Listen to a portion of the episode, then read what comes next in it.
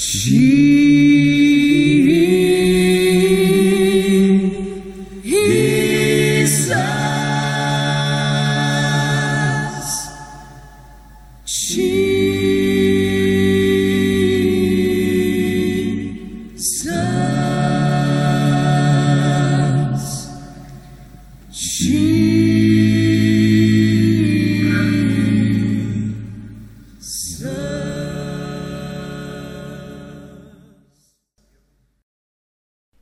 Välkommen till en spännande resa med Jesuspodden.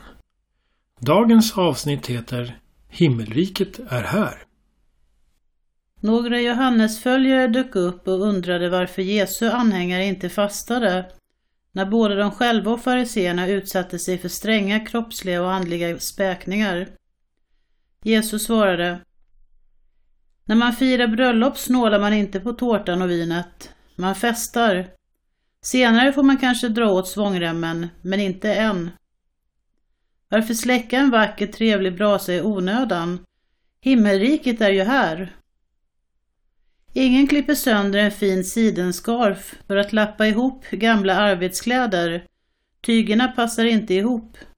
Och man tappar inte vin på spruckna flaskor. När Jesus hade sagt detta kom en tjänsteman i staden fram och bugade vördnadsfullt för honom. Min dotter har precis dött, sa han. Men om du bara ville röra vid henne skulle hon få leva igen.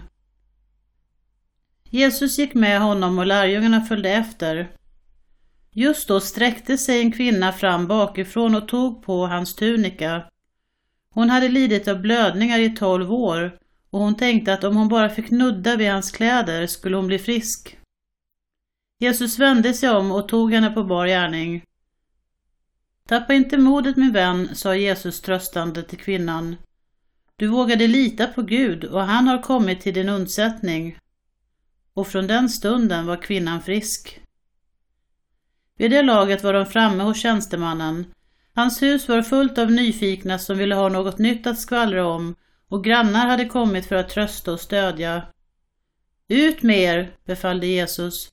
Kvinnan är inte död, hon sover bara. De sa att han inte visste vad han pratade om, men när Jesus hade sjösatt ut hela hopen gick han in och tog flickan vid handen och reste henne upp, livs levande. Nyheten spred sig snabbt över nejden. Jesus.